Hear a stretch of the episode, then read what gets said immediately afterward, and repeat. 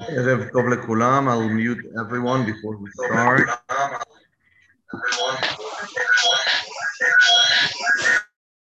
אוקיי, בסדר. אוקיי, אמ, אני כתבתי ובאמת מן הראוי בתחילת השיעור שלנו להקדיש כמה מילים וגם אה, פנו אליי כמה אנשים, אם אפשר לדבר טיפה בהתחלה על האסון הנורא שקרה לנו, אה, דיברנו על זה קצת באמת בבית כנסת, אבל אה, אני באמת הייתי רוצה ל... לראות ולהוסיף כאן עוד כמה נקודות. בפתח הדברים קודם כל חשוב להגיד, ואנחנו בשבת ציטטתי מהרמב"ם, שהרמב"ם אומר בהלכות העניות, בתחילת הלכות העניות, שמי שרואה צרה גדולה שקורית לעם ישראל וחושב שזה מקרה, הרמב"ם כותב שזה הדבר הכי חמור שיכול להיות בעולם. שהוא הרמב"ם אומר, מצוות עשה מן התורה לזעוק ולהריע בחצוצרות על כל צרה שתבוא על הציבור. ודבר זה מדרכי התשובה הוא, שבזמן שתבוא צרה ויזעקו עליה ויריעו ידעו הכל שבגלל מעשיהם הרעים הוא רע להם. ככתוב עוונותיכם יטו. וזה שיגרום להסיר הצרה מעליהם. הרמב"ם אומר שהדבר המרכזי כשבאה צרה על, על הכלל, וצרה מהסוג שאנחנו ראינו פה, זה בהחלט לצערנו זה צרה של כלל, אז זה דבר שדורש חשבון נפש על ציבור. והרמב"ם אומר, אם לא יזעקו ולא יריעו, אלא יאמרו דבר זה ממנהג העולם הרע לנו, וצרה זו נקרא נקראת, הרי זו דרך אכזריות. זאת אומרת, הרמב"ם אומר, יש חובה על ציבור לעשות חשבון נפש אחרי שקורה דבר נורא כזה, וכשלא עושים את החשבון נפש, הוא אומר שזה ממש מידת אכזריות, שאנשים חושבים שדברים קורים מעליהם, סתם במקרה, שאין השגחה, ואז הרמב"ם אומר כך, ותוסיעים אנשים, אם לא יזעקו ולא יריעו, ויאמרו דבר זה ממנהג העולם, הרי זו דרך אכזריות וגורמת להם להידבק במעשיהם הרעים, ותוסיף הצרת צרות אחרות לא עלינו. הוא שכתוב בתורה והלכתם עמי בקרי, והלכתי אני עמכם בחמת קרי. כלומר, שאביא עליכם צרה כדי שתשובו, אם תאמרו שהיא קרי, יוסיף לכם חמת אותו קרי. אז מצד אחד הרמב"ם מדגיש, זה בהלכות העניות בפרק א', הלכה א', שצרה מזמנת חשבון נפש ולעשות תשובה, זה דבר אמיתי. מצד שני, באותה הלכה, באותו פרק עצמו הרמב"ם בהלכה י"ז אומר את הדבר הבא, זה דבר שאנשים לא שמים לב אליו, כי את הרמב"ם הזה שאני אמרתי עכשיו, נוהגים לצטט אותו הרבה כשיש צרות, אבל הרמב"ם אומר בהלכה י"ז, באותו אותו פרק, בכל יום תענית שגוזרים על הציבור מפני הצרות, בית דין והזקנים יושבים בבית הכנסת ובודקים על מעשה אנשי העיר מאחר תפילת שחרית עד חצות היום. בית דין יושבים והם בודקים מה צריך לתקן. ומסירים המכשולות של העבירות ומזהירים ודורשים וחוקרים על בעלי חמאס ועבירות ומפרישים אותם ועל בעלי זרוע ומשפילים אותם. זאת אומרת אומר הרמב"ם דבר וזה דבר אמיתי וחשוב שחייבים לומר אותו בפתח הדברים פה. הרמב"ם אומר מצד אחד שאנחנו רואים באמת אסון כל כך נורא אסון שבאמת שובר את הלב מצד אחד כל בן אדם חייב לקחת מוסר ולעשות תשובה. על זה הפסוק אומר, אך אותי תראי, תקחי מוסר. הנביאים אומרים, וזה דבר ידוע, שהצרות של כלל ישראל דורשות תשובה. מצד שני אומר הרמב"ם, זה לא פוטר אותנו מחובתנו, מהאחריות שלנו על המעשים שלנו. ולכן באותו יום שהציבור עושה תשובה וצם בגלל צרות, הבית דין יושבים מהבוקר ועד הצהריים ובודקים מה צריך לתקן. כי יש דברים שדורשים תיקון, ואם לא מתקנים אותם, יש כאן בעיה. אני רוצה להוסיף לדבר הזה גם את ספר החינוך. ספר החינוך במצוות מעקה אומר את הדבר הבא. הוא אומר שהמצווה של המעקה זה להסיר המכשולים והנגפים מכל משכנותינו. ועל זה נאמר ועשית מעקה לגגיך.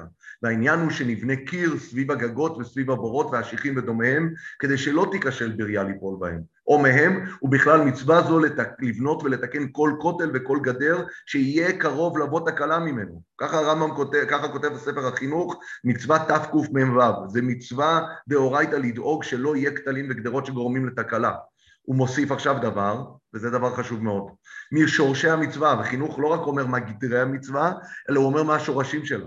לפי שאם היות השם ברוך הוא משגיח בפרטי בני אדם, ויודע כל מעשיהם, אנחנו מאמינים בהשגחה פרטית שהקדוש ברוך הוא דואג להכל, וכל אשר יקרה להם טוב או רע בגזירתו ובמצוותו, לפי זכותן וחיובן, וכעניין שאמרו זיכרונם לברכה, אין אדם נוקף אצבעו מלמטה, אלא אם כן מכריזים עליו מלמעלה, אז למרות שהרע אנחנו יודעים שיש השגחה פרטית, ומה שמגיע לבן אדם הוא מקבל לטוב ולרע, אומר ספר החינוך, אף על פי כן צריך האדם לשמור עצמו מן המקרים הנהוגים בעולם, כי האל ברא עולמו ובנאו על יסודות עמודי הטבע, וגזר שתהיה האש שורפת, והמים מכבים על להבה, וכמו כן יחייב הטבע שאם תיפול אבן גדולה על ראש איש שתרוצץ את מוחו, לא עלינו, ואם ייפול האדם מראש הגג הגבוה לארץ שימות. והוא ברוך הוא חנן גופות בני אדם ויפח בהם נשמת חיים בעלת דעת, לשמר הגוף מכל פגע. ונתן שניהם, הנפש וגופה, בתוך גלגל היסודות וכולי, כי הטבע שהוא מסור בידו יעשה פעולתו עליו, אם לא יישמר ממנו. אומר החינוך, מצד אחד אנחנו צריכים להאמין באמונה שלמה שכל מה שבא עלינו זה בהשגחה פרטית מהקדוש ברוך הוא, להגיע עושה לרשע רק כרישתו ונותן מה שנקרא גומל לאיש חסד כמצוותו. מצד שני, הבן אדם חייב לעשות את כל ההשתדלות כדי לראות שבדרך הטבע לא ינזק. לכן אני אומר, עם כל האירוע פה צריך לשים לב למה שהרמב"ם בספר החינוך אומרים, שיש אחריות והקדוש ברוך הוא מסר עולמו לשומרים, והשומרים האלה תפקידם לדאוג שלא יהיה נזק ולא יהיה פגע, ושהם יתקנו את המעקה, ומי שצריך לתקן את המעקה חייב לדאוג לזה, ומי שלא עשה את זה צריך לעמוד על הדין. מהשאלה, וזאת השאלה באמת המשמעותית פה. רגע אחד.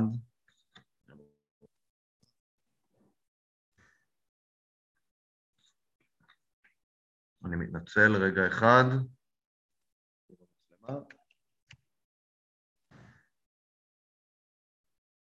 אנחנו צריכים לדאוג לתקן את, ה, אה, את מה שחייב תיקון. עדיין יש לנו כאן 45 נפשות אומללות ומסכנות, וחלקם ילדים ונערים שמתו על לא עוול בכפם. כי אמנם גם אם יש אנשים למעלה שהיו לא בסדר, שהיו מושחתים, שהתרשלו בתפקיד, תפקידם ובגללם נפשות תמימות וזכות הלכו לעולמם, זה עדיין הנפשות האומללות האלה, בגלל השגחה פרטית, אנחנו חייבים להאמין בגלל השגחה פרטית הם מתו, וזה דבר נוראי לחשוב עליו. זה דבר נוראי לחשוב עליו. מה השם ילד קטן בן תשע בגלל שהיה כאן פושע ב... שלא עשה את תפקידו? מה ילדים בני 13, בני 16, אחים, זה, זה נורא, זה, זה נורא, זה לא נתפס. והדבר הזה אני חושב שדורש אה, אה, אה, איזושהי התייחסות, כי אני חושב שכל אדם מאמין, שמאמין שבאמת הקדוש ברוך הוא כולו טוב, הקדוש ברוך הוא טוב ומיטיב, חייב להאמין ולהבין מה המשמעות של דבר כזה. ואני אומר, אנחנו לצערנו בעם ישראל התמודדנו עם אסונות הרבה הרבה יותר גדולים מהאסון הזה. אז האסון הזה פשוט עכשיו הוא כל כך טרי וחי שהוא תופס לנו את המחשבה, אבל אנחנו עברנו לפני 80 שנה את השואה האיומה, ועם ישראל ספג מכות איומות, וזו שאלה שתמיד הטרידה אותנו, אם הקדוש ברוך הוא כולו טוב, איך אנחנו יכולים להבין ולהכיל את כל הסבל הנורא הזה? איך, מה המשמעות של הדבר הזה? אז uh, ברשותכם, אני רוצה, ואני חושב שהתשובה הכי טובה והכי אה, אה, קרובה, עוד פעם, טובה זה הכל יחסי, אנחנו יכולים למצוא אותה דווקא בספר תהילים. ויש לנו מזמור מאוד מפורסם שאנחנו אומרים בכל שבת, שהנושא המרכזי שלו זה ממש הנושא שאנחנו מדברים עליו. זה המזמור שיר ליום השבת. אם נסתכל במזמור שיר ליום השבת, אנחנו נראה דבר אה, אה, מעניין מאוד. המזמור מתחיל מזמור שיר ליום השבת, ואני מזכיר לכם שהמזמור הזה הוא המזמור הראשון שנאמר אי פעם בהיסטוריה, ממש. זה המזמור הראשון שאדם הראשון, כאשר הוא אה, נברא, ככה אומרים חז"ל, הוא עומד על שני רגליו ומדבר על הקדוש ברוך הוא, ואומר ככה, מזמור שיר ליום השבת. טוב להודות לשם ולזמר לשמך עליון. הדבר הראשון, אני קם, אני מודה לקדוש ברוך הוא על המציאות שלי. אני בתור אדם חי, האדם הראשון שאי פעם היה חי, הוא כבר, אנחנו יודעים שהאדם הראשון נברא עם תודעה כבר, הוא עומד על רגליו והוא מודה לקדוש ברוך הוא. אני מודה לקדוש ברוך הוא שאני חי. טוב להודות להשם ולזמר לשמך עליון, ואז הוא ממשיך. להגיד בבוקר חסדיך ואמונתך בלילות. מה זה להגיד בבוקר חסדיך ואמונתך בלילות? האדם הראשון יודע שאנחנו עכשיו הולכים לקראת תקופת חיים. תקופת חיים יש בה ימים ויש בה לילות. יש בה זמנים של אור ויש בה זמנים של חושך. הוא אומר, אנחנו בזמנים של האור, אנחנו צריכים להגיד את החסד שלך, להודות לקדוש ברוך הוא על החסד העצום שלו. ואמונתך בלילות. בתקופה של החושך, בתקופה שאנחנו לא מבינים, שאנחנו סובלים, שעוברים מכות איומות, זה הזמן שאנחנו צריכים להאמין, להאמין. האמונה היא בשביל הלילות, ביום, באור, בבוקר, מאוד קל להגיד את חסדיו של הקדוש ברוך הוא, כי אנחנו מרגישים וחווים את זה.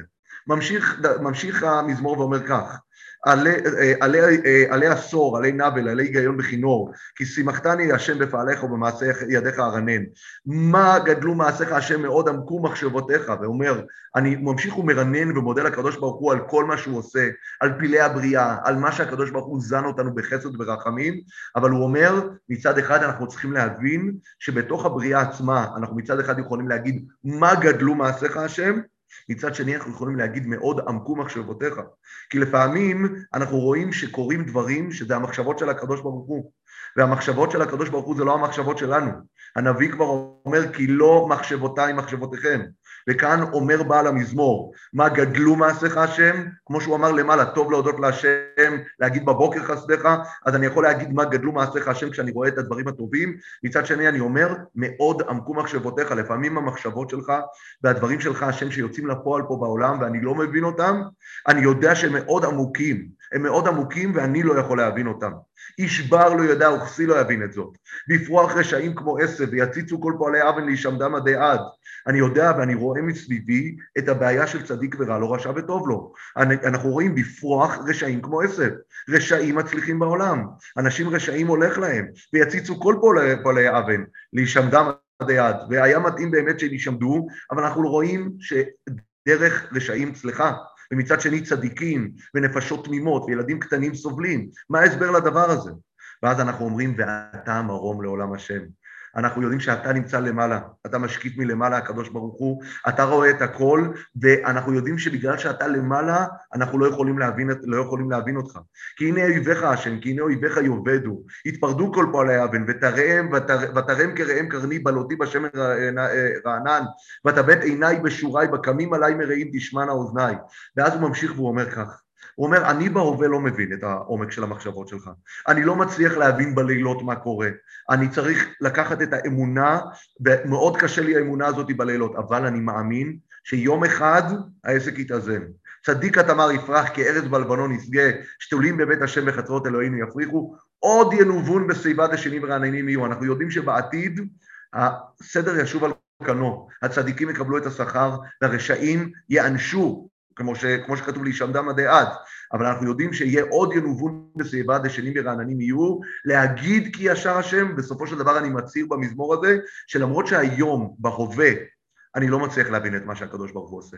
אני רואה עכשיו אויביך אפרוח אה, אה, רשעים כמו עשב, אבל אני יודע להגיד כי ישר השם, צורי ולא עוולת בו. אני יודע שהקדוש ברוך הוא אמת, והוא לא עושה עוולה, ואני מאמין בזה באמונה שלמה, ולכן גם אם מה שאני רואה עכשיו בעיניים אני לא מבין אותו, אני יודע שיבוא יום והפרספקטיבה שלי תהיה שונה.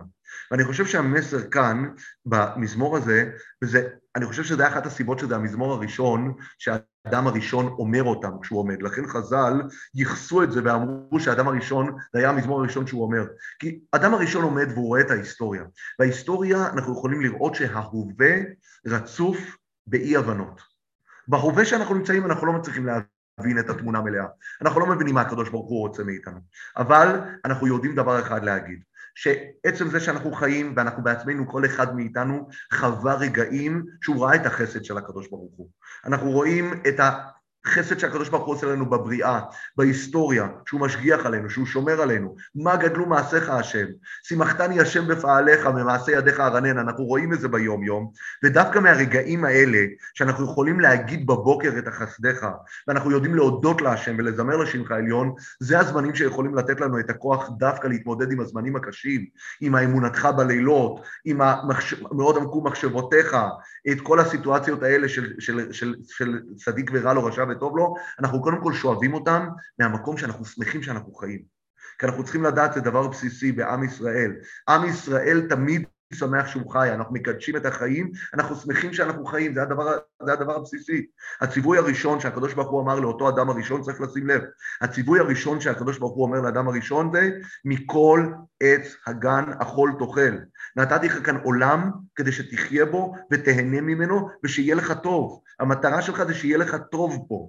ואם רע, אתה צריך לדעת לפעמים שאתה לא מבין את הרוע, אבל הרוע הוא לא, הוא כרגע הכאוס שנמצא בהווה, הוא לא הדבר האמיתי. כי הדבר האמיתי הוא שלעתיד לבוא, עוד ינובון בשיבה דשנים ורעננים יהיו, יבוא יום שהצדיקים יפרחו כתמר, כארז בלבנון ישגה, הם יהיו שתולים, הם, הם, הם ינובון בשיבה, כל הפעולות שיש לגבי העצים הפוריים, שהם הם, הם באמת, הם פורחים ודשנים ורעננים, הכל בסופו של דבר יסתדר. אבל מה, אנחנו צריכים קצת סבלנות כדי להבין ולראות את התמונה המלאה, וזה המסר של הפרק הזה בתהילים. ואני חושב שאם ניקח את זה אפילו אולי לרובד יותר מזה. באיוב אנחנו רואים אה, דבר אה, נפלא בספר איוב. אנחנו רואים ספר שלם, באמת, וצריך להגיד, הסוגיה הזאת של הסבל היא אחת הסוגיות שכמעט הכי מדוברת בתנ"ך. בוודאי החל מנביאים אחרונים, שאנחנו רואים שעם ישראל חווה כל כך הרבה סבל.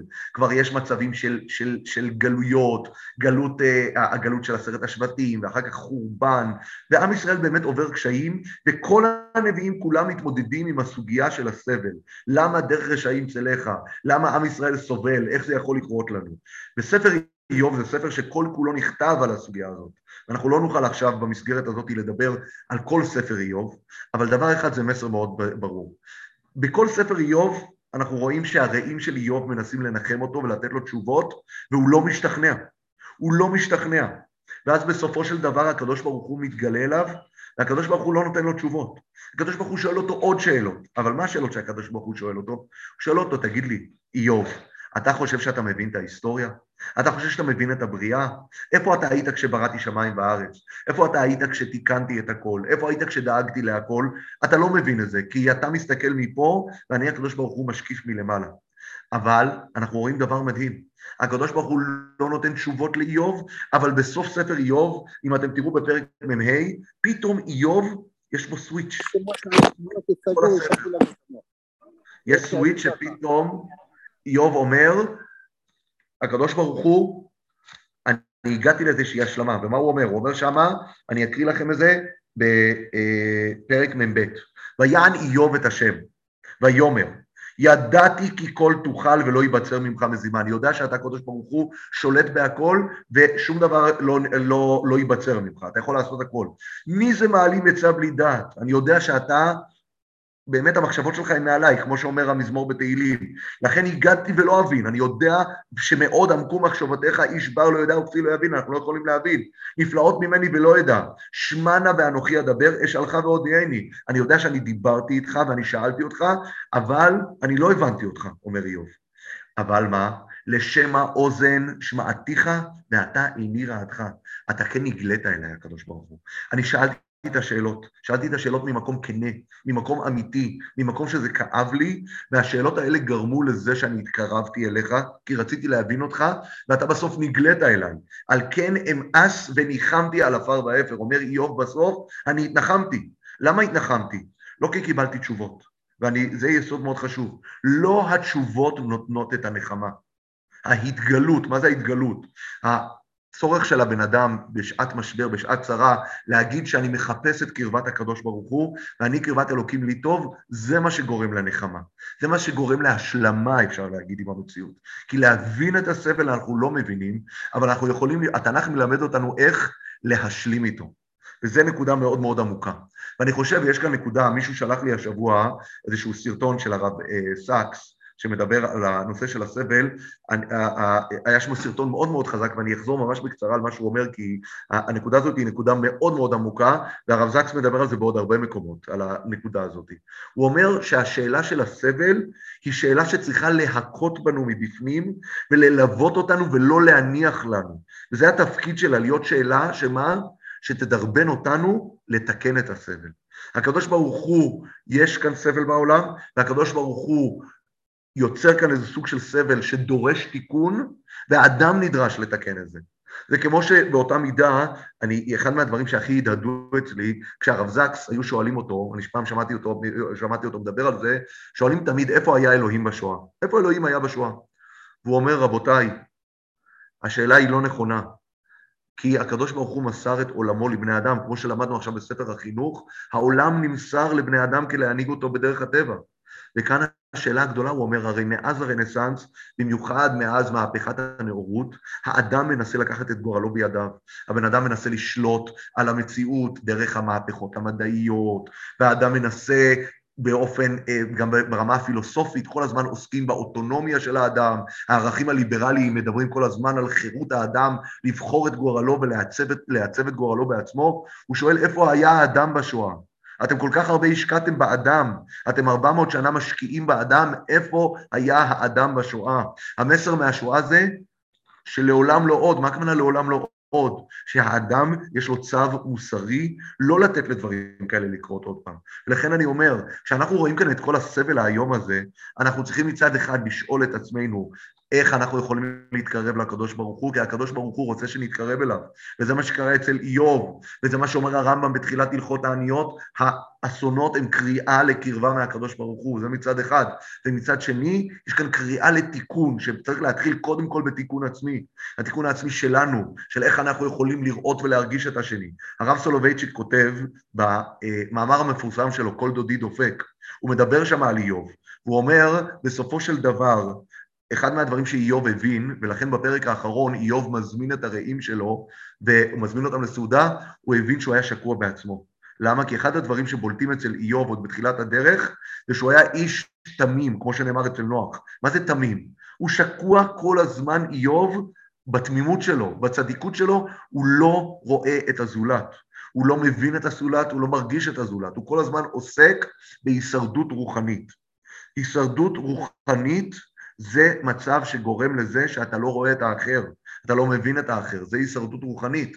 והקדוש ברוך הוא רוצה מאיוב, ואומר את זה הרב סולובייצ'יק במסה המפורסמת שלו, כל דודי דופק, אומר, הוא מדבר שם על המושגים הידועים, על ברית ייעוד וברית גורל, שאני לא אאריך בהם פה, אבל מדבר על זה שאנחנו צריכים בשעת צרה לצאת מהקונכייה שלנו ולהסתכל מסביבנו ולראות קודם כל אם יש לנו דרך להשפיע טוב על אחרים ולראות אם יש מישהו שצריך אותנו ולהרגיש את צער הזולת.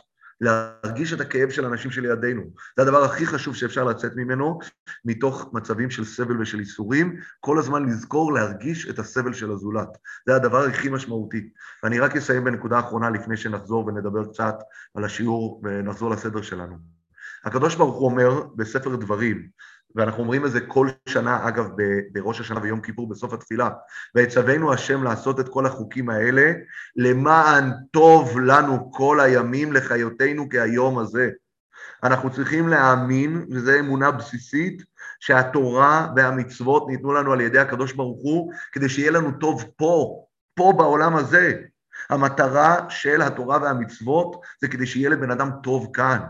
יכול להיות שהעולם הבא וגן עדן, התכלית שלהם זה לדרבן אותנו, זה לתת לנו לאן לשאוף, אבל התורה לא מדברת אף פעם לא על גן עדן, לא על תחיית המתים ולא על עולם הבא. התורה לא מדברת אף פעם בצורה מפורשת. חז"ל תמיד מוצאים רמזים לעניין הזה, אבל בצורה מפורשת התורה לא כותבת על זה. למה? כי עיקר המסר בתורה זה שכאן צריך להיות לנו טוב. ולכן אני אומר, כשאנחנו רואים את התורה ורוצים לקיים את התורה, זה, דבר הזה הוא גם סימן וגם סיבה. אם בן אדם שומר מצוות ולא טוב לו, הוא כנראה לא במקום הנכון.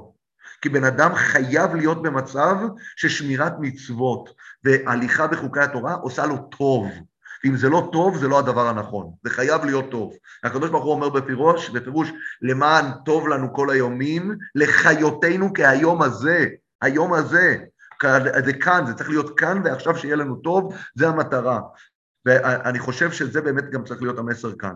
כשאנחנו מדברים על הסבל ועל האיסורים ועל הדברים, יש הרבה מהתפיסה, תפיסות שמדברים עליהן הרבה פעמים מקובלים, מדברים על גלגולי נשמות, אנשים סובלים פה אבל בעולם אחר יהיה להם יותר טוב והכול, זה יכול להיות פתרונות אה, אה, בתפיסה מסוימת, בגישות מסוימות, אבל התורה אומרת שאנחנו מחפשים לראות את הטוב שלנו כאן, לא בעולם אחר. אנחנו רוצים לראות את הטוב פה, זו הדרישה שלנו. אבל מתוך הדברים שדיברנו אפשר לחזור ולומר שהדרישה שלנו, אם אנחנו רוצים שיהיה כאן טוב, אנחנו צריכים לדאוג להפוך את המקום הזה לטוב. אנחנו צריכים כמו אברהם אבינו, כשהוא עומד והוא רואה משהו שלא נראה לו צודק, לא נראה לו הוגן, מה הוא אומר?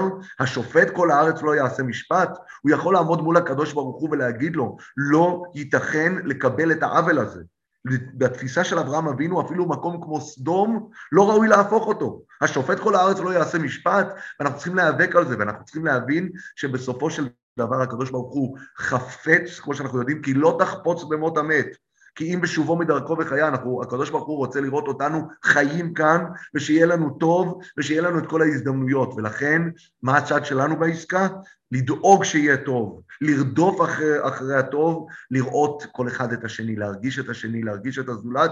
רק בדרך הזאת אנחנו נוכל מצד אחד להרגיש את הקרבת אלוקים, כי אי אפשר להרגיש קרבת אלוקים אם אנחנו לא דואגים לעשות טוב לאחרים. לעשות טוב לאחרים זה השער לקרבת אלוקים. אנחנו רואים שאברהם אבינו הוביל שתי מהפכות בהיסטוריה. מהפכה אחת זה אמונת האיחוד. אברהם הוא אבי המונותאיזם, הוא הראשון שהביא לעולם את האמונה בכל אחד.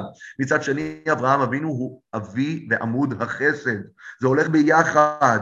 האמונה בקדוש ברוך הוא היא תלויה ועומדת ביכולת שלנו ובאמונה שלנו שאנחנו יכולים להשפיע על המציאות, לשנות אותה ולעשות טוב לאחרים. כשאנחנו עושים טוב לאחרים, אנחנו משנים את המציאות. וזה מה שהקדוש ברוך הוא רוצה מאיתנו. הקדוש ברוך הוא רוצה מאיתנו שנשפיע על המציאות ונשנה אותה לטובה. זו הקריאה הכי חשובה שיש לנו. אני רק אסיים גם בסיפור, וזה הסיפור שהרב זקס מביא בשם הרבי מקאליב, זה סיפור מרטיט. הוא מספר שהרבי מקאליב שאיבד 12 ילדים, אני לא יודע, 12 או 11 ילדים בשואה הארורה, ושאלו אותו אחר כך, תגיד לי, איך אתה מסביר את זה? איך אתה יכול להמשיך לחיות ככה? איך אתה מבין איך הקדוש ברוך הוא לקח ממך את המשפחה האהובה שלך? מה ההסבר? אז מה הוא אמר? הוא אמר, אם אני ארצה לשמוע את התשובה על זה, הקדוש ברוך הוא יצטרך לקרוא לי לבית דין של מעלה ולתת לי את התשובה. ואני לא רוצה לעלות דין של מעלה כדי לקבל את התשובה. אני רוצה להיות פה למטה ולחיות עם השאלה. כי התפקיד שלי פה זה למרות השאלה, לחיות ולעשות טוב, ולבוא ולעלות לארץ, ולהקים בתי חולים, כמו שהוא עשה עם לניאדו, להקים קהילות ורק להרבות טוב בעולם, זו המטרה. וזו התשובה שלנו. כשבן אדם סובל ולא מבין את המציאות, הפתרון הוא, הפתרון הוא ללכת ולעשות טוב. כשעושים טוב לאחרים, פתאום המציאות היא אחרת. כל המציאות היא אחרת, המציאות היא כבר לא מנוכרת, המציאות היא לא אטומה. אחת מהחוויות הכי קשות של סבל ושל כאב, זה התחושה שהמציאות אטומה לנו. המציא... התחושה הזאת היא שאנחנו עומדים מול קירות אטומים, והמציאות לא טובה לנו. אבל אם אנחנו דואגים לעשות טוב לאחרים, ואנחנו משדרים טוב ועושים טוב ועושים חסדים ומרגישים את הכאב שלידינו, גם המציאות הופכת לטובה יותר. ואז פתאום זה כבר הרבה פחות אטום. פתאום אנחנו רואים את הקדוש ברוך הוא מדבר אלינו בכל מיני צורות ודברים, כמו שהוא דיבר לאיוב בסופו של דבר, וכל בן אדם יכול לחוות התגלות בצורה כזאת או אחרת. הכוזרי מדבר על זה לאורך כל הדרך. התגלות זה לא נבואה. התגלות זה שלא שמישהו איתנו יום אחד יקום בבוקר וישמע את אלוקים מדבר איתו, כמו שהוא דיבר עם שמואל הנביא או עם משה, אלא הקדוש ברוך הוא מדבר איתנו באלפי דרכים שונות ומשונות, ואנשים יכולים לחוות התגלות גם בלי שהקדוש ברוך הוא דיבר אליהם ישירות. הכוזרי חוזר על זה כל הזמן. הכוזרי אומר, בשונה מהרמב"ם, שיסוד האמונה, הכוזרי מדגיש את זה, זה לא הרציונל. זה לא הרציונל שאני פתאום מבין בצורה פילוסופית ומתמטית אה, את, את המטאפיזיקה האלוקית. כוזרי אומר, לא, האמונה מגיעה ממקום כמו מלך כוזר, שפתאום הוא חווה התגלות, הוא פתאום מבין, משהו נגע בו, משהו דיבר אליו, יש איזושהי חוויה שהרטיטה אותו, חוויה שמשנה לו את כל ההוויה, זה החוויה שגורמת להתגלות. וכל אחד מאיתנו במשך החיים, יש לו כל הזמן איזשהן הזדמנויות, יש תפניות, יש אתגרים שבהם הקדוש ברוך הוא קורא לנו. הוא קורא לנו להתגלות, אנחנו רק צריכים לפתוח את הראש את הלב, את האוזניים, ולשמוע את הקולות האלה, את ההתגלויות האלה, לקרוא את הסימנים האלה, ואז, ואז אנחנו פתאום מסתכלים על כל המציאות באופן אה, אחר ושונה. בעזרת השם, אני אומר את זה, יהיה גם לעילוי נשמת 45 הנפשות המסכנות, האומללות האלה, שנלקחו בטרם עת, הלא עוול בכפן, שבעזרת השם הדבר הזה יהיה לעילוי נשמתם, ושכל אחד מאיתנו באמת, אה, מה שנקרא, ילמד לראות מעלות חברינו ולא, ולא חסרונם, וככה באמת נוכל להרבות רק טוב ולזכות קצת, קצת, קצת להיות שותפים בתיקון של המציאות, וכך המציאות תהיה הרבה פחות אה, אטומה, אם לא לנו, לפחות לאנשים שמסביבנו.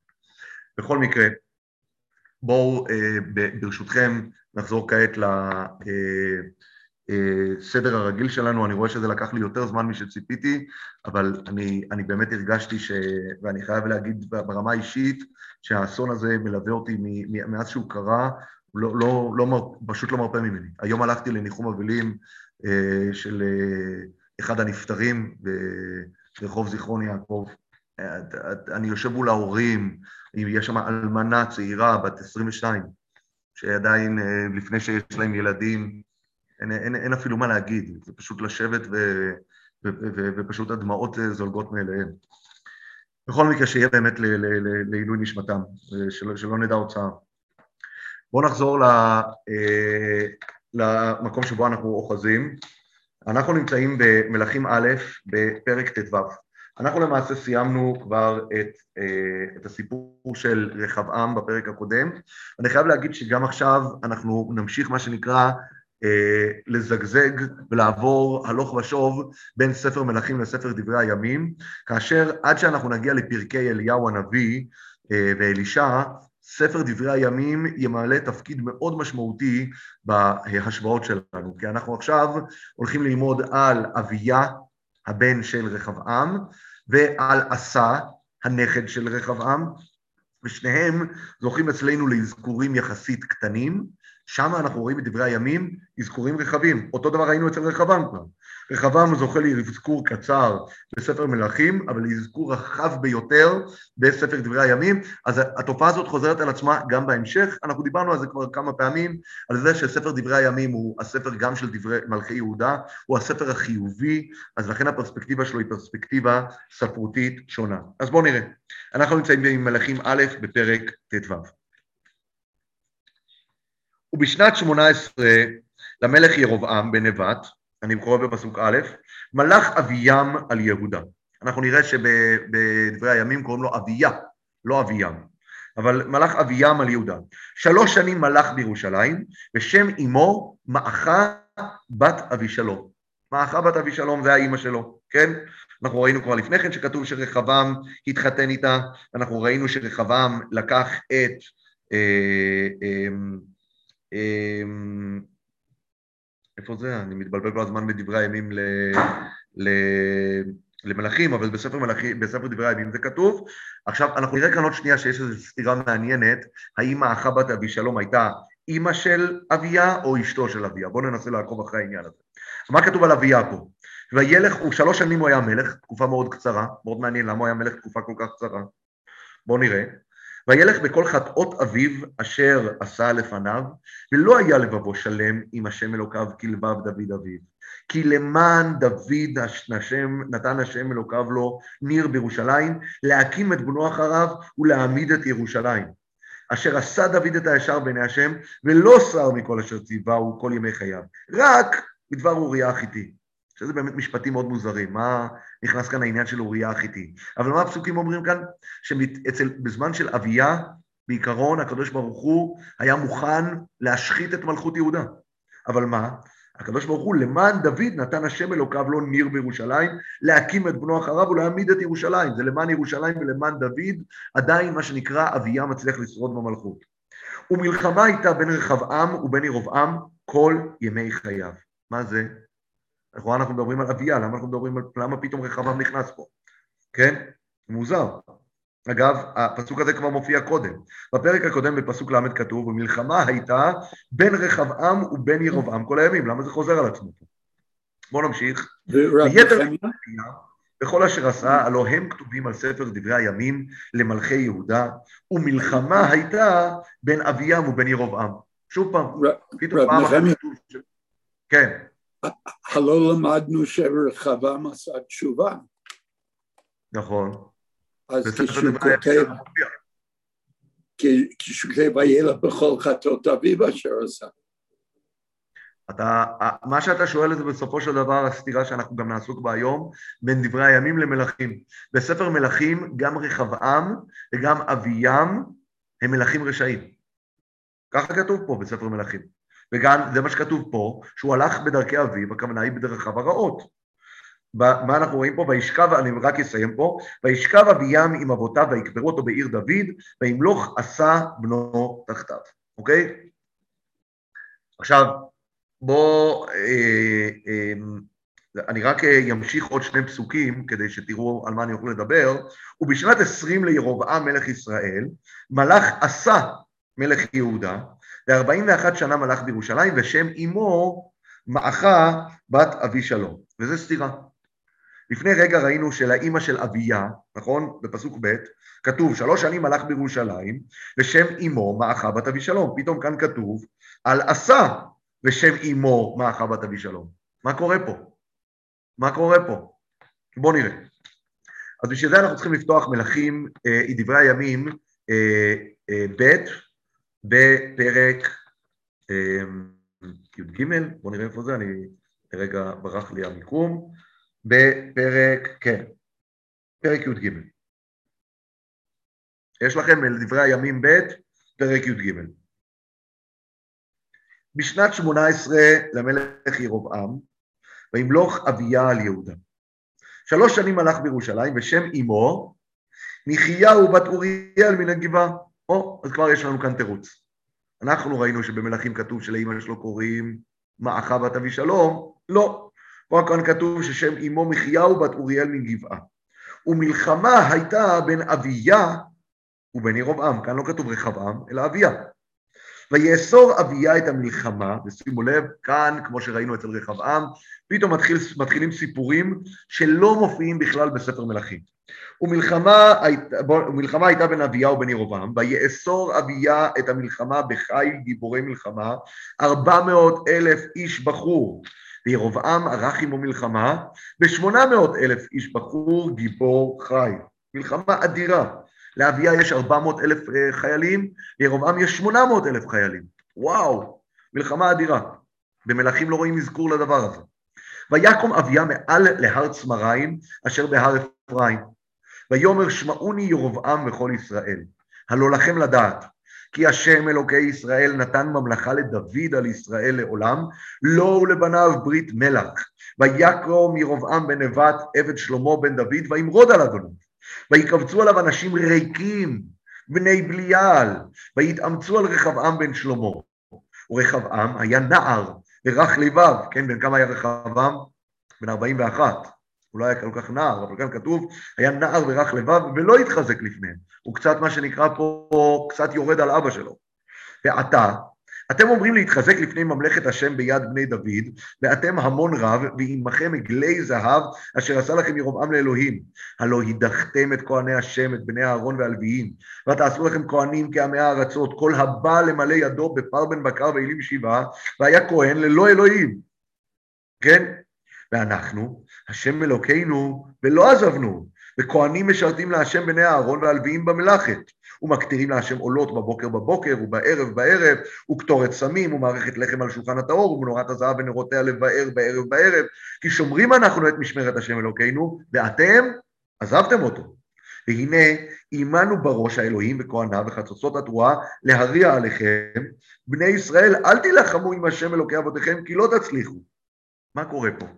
לכאורה אנחנו קוראים פה נאום שכל כולו אמונה וביטחון עצומים. הוא אומר, אני בא בשם השם ואתם יש לכם עגלי זהב. אבל בואו נראה מה קורה. וירבעם הסב את המערב לבוא מאחריהם, והיו לפני יהודה והמערב מאחריהם, ויפנו יהודה והנה להם המלחמה פנים ואחור. ירבעם יש לו כוח עודף, והוא מצליח לעשות כאן תרגיל מלחמתי, ולעקוף, ומה שנקרא, לכתר ולהקיף את הצבא של אביהם, ואביהם בבעיה.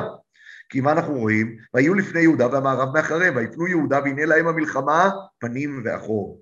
ויצעקו להשם. והכהנים מחצצרים בחצוצרות. ויריעו איש יהודה, ויהי בהרי האיש יהודה, והאלוהים נגף את ירבעם וכל ישראל לפני אביה ויהודה. וינוסו בני ישראל מפני יהודה, ויתנם אלוהים בידם. ויכו בהם אביה ועמו מכה רבה, ויפלו חללים מישראל חמש מאות אלף איש בחור, חצי מיליון איש, מטורף. ויקנאו בני ישראל בעת ההיא, ויאמצו בני יהודה, כי נשענו על השם אלוקי אבותם. וירדוף אביה אחרי ירבעם, וילכוד ממנו ערים את בית אל ואת בנותיה, ואת ישנה ואת בנותיה, ואת אפרים ואת בנותיה, עפרון בנותיה, ולא עצר כוח ירבעם עוד בימי אביהו, ויכפהו השם, וימות. ובמת. ויתחזק אביהו, ויישא לו נשים ארבע עשרה, ויולד עשרים ושתיים בנים ושש עשרה בנות, ויתר דברי אביה, ודרכיו ודבריו, כתובים במדרש הנביא עידו, וישכב אביה עם אבותיו, ויקברו אותו בעיר דוד, וימלוך עשה בנות תחתיו, בימיו שקטה הארץ עשר שנים. אנחנו צריכים לזכור את המשפט הסיום הזה, כי כמה דברים קודם כל שאני רק אתן לכם כרמזים, הפרקים האלה מאוד מזכירים לנו כאן את תקופת השופטים. קודם כל, הסיומת הזאת בימיו שקטה הארץ עשר שנים, מה זה אומר? אני מאוד מאוד אה, אה, אה, מרגיש לי פה שעומד כאן כמו המשל של אה, יותם. יותם, הבן של גדעון, שרצחו את כל אחיו ואבימלך תפס אותו, הוא ממש באותו אזור הוא עומד, הוא עומד על הר גריזים, נכון? הר הברכה, והוא נושא את משלו, משל יותם. גם, ומה המשל שם של יותם? הוא אומר, העצים הלכו לבקש להם מלך, הם הלכו לגפן, הגפן אומרת, מה פתאום, החדלתי את תירושי, הזית, התאנה, הם מסרבים עד שמה? עד שבסופו של דבר מי נהיה המלך? האטד, נכון? הוא הקוץ הזה, הקוץ שאין לו, לו צל, הוא אומר בואו לחסות בצילי וכולי. גם כאן עומד כאן האנדרדוג, אפשר להגיד, אביה, אביה הוא האנדרדוג. הרי למלכות ישראל הם לקחו עשרה שבטים, הם חזקים, יש להם צבא הרבה יותר חזק, 800 אלף, פי שתיים גדול מאשר אביה, והוא עומד כאן, ובסופו של דבר אנחנו רואים שהוא נושא איזשהו נאום, ובסוף הוא זוכה לישועה. אבל מיד אחרי הישועה כתוב, ותשקוט הארץ, בימיו שקטה הארץ עשר שנים. מה זה אומר שקטה בימיו שקטה הארץ? מה זה הדגשה בימיו? אנחנו נלמד עוד רגע שאחרי זה היה בלאגן. אחרי זה היה בלאגן. אז הוא הצליח להשיג הפוגה לעשר שנים. עכשיו, אם נתחיל קצת אה, להתחיל אה, אה, אה, לפרק פה מה שנקרא את הבעיות, אז אפשר קודם כל לשים לב לדבר אחד. אני שאלתי אתכם למה אצלנו בספר מלכים מופיע פעמיים דוד המלך, נכון? למען דוד עבדי, דוד, מה זה? בימיו של מי שקטה הארץ, של אביה או של עשה? של? אה, אתה שואל טוב. כנראה בימיו הכוונה היא אחרי זה, אה, כשעשה לקח את אה, מקומו. הוא הרי מלך רק שלוש שנים. היה מלך רק שלוש שנים, לפי נכון, מלכים. נכון, ולכן בימיו הכוונה היא בתקופתו וגם אחריה כנראה. זאת אומרת שעשה בתחילת מלכותו, איך שהוא נהנה מהשקט שהוריש לו אביו אה, אביהם. אבל בהחלט אביהם בעצמו, אנחנו רואים שהוא מת תוך שלוש שנים. וזה כאן שאלה, אם הוא כזה מלך טוב, כזה מלך מוצלח, למה הוא מת כל כך מהר? כן? מה, למה, למה, למה, למה רק שלוש שנים? מה, מה, מה קורה פה? וכמו שאנחנו שאלנו, הדגש, במלכים אנחנו רואים שהיה מלך רשע, הלך בדרכי אביו, עד שהפסוקים צריכים להתנצל ולומר, הסיבה היחידה שהוא מקבל את מה שהוא מקבל זה בגלל דוד. אז אני חושב שהתשובה נמצאת דווקא במה שקראנו בדברי הימים. כמו שאמרנו, המציאות גם של רחבעם וגם של אביהם היא מציאות מורכבת. היא מציאות שמצד אחד הם לא כמו דוד. הם לא הולכים בדרך של דוד המלך, אין כאן ספק, זה מופיע אצלנו בפירוש. אבל מצד שני, הם גם לא גרועים כמו המלכים שיבואו אחריהם. אז הם, הם הלכו בחטות אבי, אבי, אביהם, יש בתקופה הזאת מצבות ועשרות ובמות וכל הדברים האלה, אבל אנחנו רואים כן דבר מאוד מעניין, שאחרי שאביה מצליח באמת להשתלט על האזורים שהוא שולט בהם, ואנחנו רואים גם אחר כך אצל עשה, הם לא מחריטים את העגלים האלה. העגלים האלה בבית אל, גם אחרי שבית אל נמצאת בשליטת ממלכת יהודה, העגלים נשארים. אנחנו לא רואים אפילו לרגע אחד הפסוק לא מציין על אביה שהוא החריט את הבמות ואת האשרות. מלכים שעשו את זה, כתוב, עליהם, כתוב עליהם. אנחנו יודעים מלכים שהחריטו את האשרות והבמות. זה כתוב על עשה, זה כתוב על יואש, זה כתוב על יאשיהו, זה כתוב על חזקיהו, יש מלכים שעשו עבודה של ביעור עבודה זרה מהארץ. על אביה זה לא נאמר. ולכן אנחנו יכולים להבין דבר אחד, שכשאביה מדבר על ה, אה, אה, השם אלוקינו איתנו לעומת העגלים, הוא לא מדבר כאן מתוך איזושהי אמונה תמימה בהשם ובהשגחתו, אלא הוא מדבר שפה טריטוריאלית. לי יש מקדש דוד בירושלים, המקדש הזה הוא המקדש של עם ישראל, ולכן מגיע לי לנצח. לא בגלל שאני צדיק, לא בגלל שאני עובד השם, לא בגלל שאני דואג שעבודת השם תהיה העבודה המרכזית בארץ ישראל, לא ולא, הרי עבודה זרה ממשיכה להיות. הוא ממשיך, אה, והוא בעצמו לא צדיק גדול. אבל מה כן הוא אומר? ירושלים. ירושלים ובית המקדש והכוהנים, הוא חוזר ומדבר על זה, זה הנושא המרכזי, הם הסיבה בשבילי להיות עדיף עליך, כי לך יש עגלים בדן, אוקיי? ואני אמרתי כאן לפני, אה, דיברנו על זה לפני אה, כמה שבועות, שלא מן הנמנע שבתקופה ההיא המצב הרוחני במלכות ישראל יותר טוב מאשר במלכות יהודה. במלכות ישראל אומנם יש את הבמות, אבל הבמות האלה הן במות להשם. במלכות יהודה לעומת זאת כתוב אצלנו שיש כבר עבודה זרה, אשרות, מצבות, זאת אומרת שלא מן הנמנע שהמצב הרוחני באמת במלכות ישראל היה יותר טוב ממלכות יהודה. אבל מה מלכות יהודה באה ואומרת כאן, וזה אביה? יש לי את בית המקדש. בית המקדש הוא סיבה שאני אנצח. וזה הסיבה שגם אצלנו במלכים, אם תשימו לב, מה שכתוב, שהסיבה שאביה שרד כמלך זה בגלל דוד ובגלל ירושלים.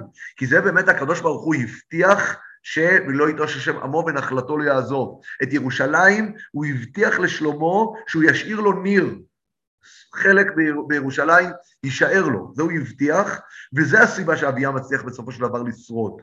ולכן גם שם במלחמה, בסופו של דבר, צריך לשים לב לעוד נקודה, והיא נקודה חשובה מאוד, ואנחנו נסיים בזה. מלכות ישראל, יהודה לא מוכנה לקבל את מלכות ישראל כמלכות לגיטימית. ולכן אנחנו נלמד גם אצלנו וגם בפרק הבא עם עשה, שעשה מלך יהודה, למרות שהיה מלך צדיק, הוא יוזם מלחמה כנגד אחיו.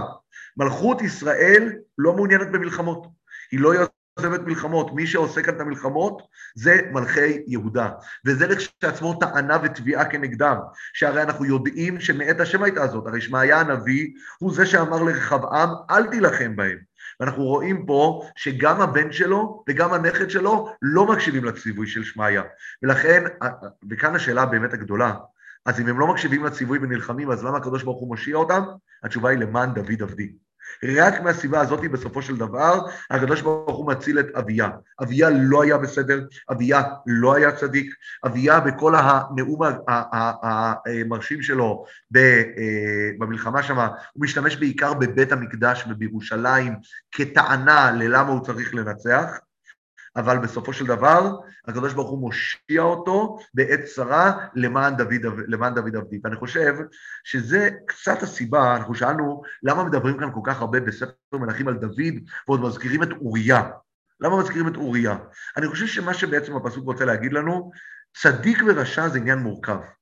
כי אפילו דוד המלך, אנחנו רואים, אמנם הוא היה צדיק ובזכותו יש לנו את הכל, אבל גם הוא נפל בסיפור של אוריה, אוקיי? ולכן כשאנחנו מסתכלים על אביה, אנחנו גם רואים סיפור מורכב. לא מדובר כאן מצד אחד על רשע מוחלט, כי הנה אנחנו רואים בספר דברי הימים שהקדוש ברוך הוא מושיע לו ועוזר, ועוזר לו והכל, מצד שני הוא היה בפער מאוד מאוד גדול מדוד ומשלמה. אנחנו רואים מה קורה בזמנו, כתוב כאן שהוא הולך בדרכי אביו אה, אה, אה, רחבעם וכולי. אז אני חושב שזה מה שזה רוצה לתת לנו את הפרספקטיבה הזאת. עכשיו, אגב, לגבי השאלה האחרונה, ובזה נסיים כבר, תשע ועשרים אני רואה, אה, למה כתוב, ומלחמה הייתה בין רחבעם ובין ירבעם כל הימים, למה זה נכתב שוב פעם בתוך מלכות אביהם? אז יש הרבה מהמפרשים שאומרים פה, וזה מאוד בולט, גם בספר דברי הימים, שאביה הומלך עוד בימי אביו. אבי, אביו מינה אותו ליורש העצר והוא כבר תפס מעמד עוד בימי אביו. איפה אנחנו רואים את זה? אם נפתח בדברי הימים ב', בפרק י"ב, אנחנו נראה דבר מעניין. מה כתוב שם? שנייה אחת, אנחנו נמצא את זה. הנה, ב- ב- סליחה, בסוף פרק י"א, במלכים, בדברי הימים ב', פרק י"א, פסוק כ"ב.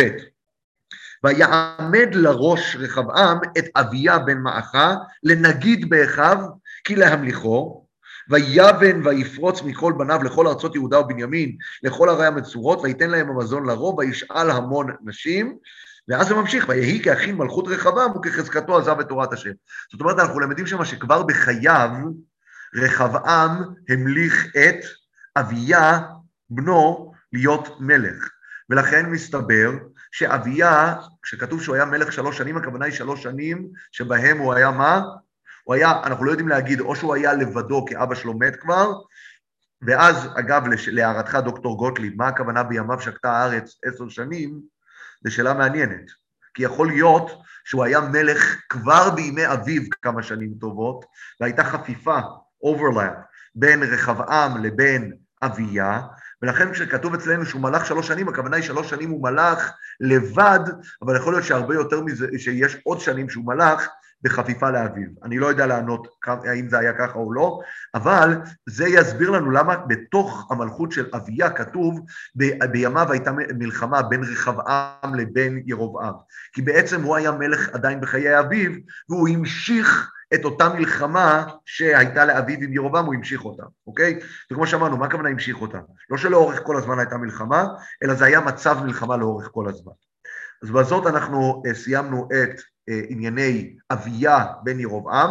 בעזרת השם בשבוע הבא אנחנו אה, נלמד על עשה מלך יהודה, ואני חושב שתוך שני, שני שיעורים אנחנו כבר יכולים להגיע לפרקים המרתקים של אחאב ושל אליהו הנביא בעזרת השם, אז בעזרת השם על זאת ועוד בשיעורנו הבא, שיהי רק בשורות.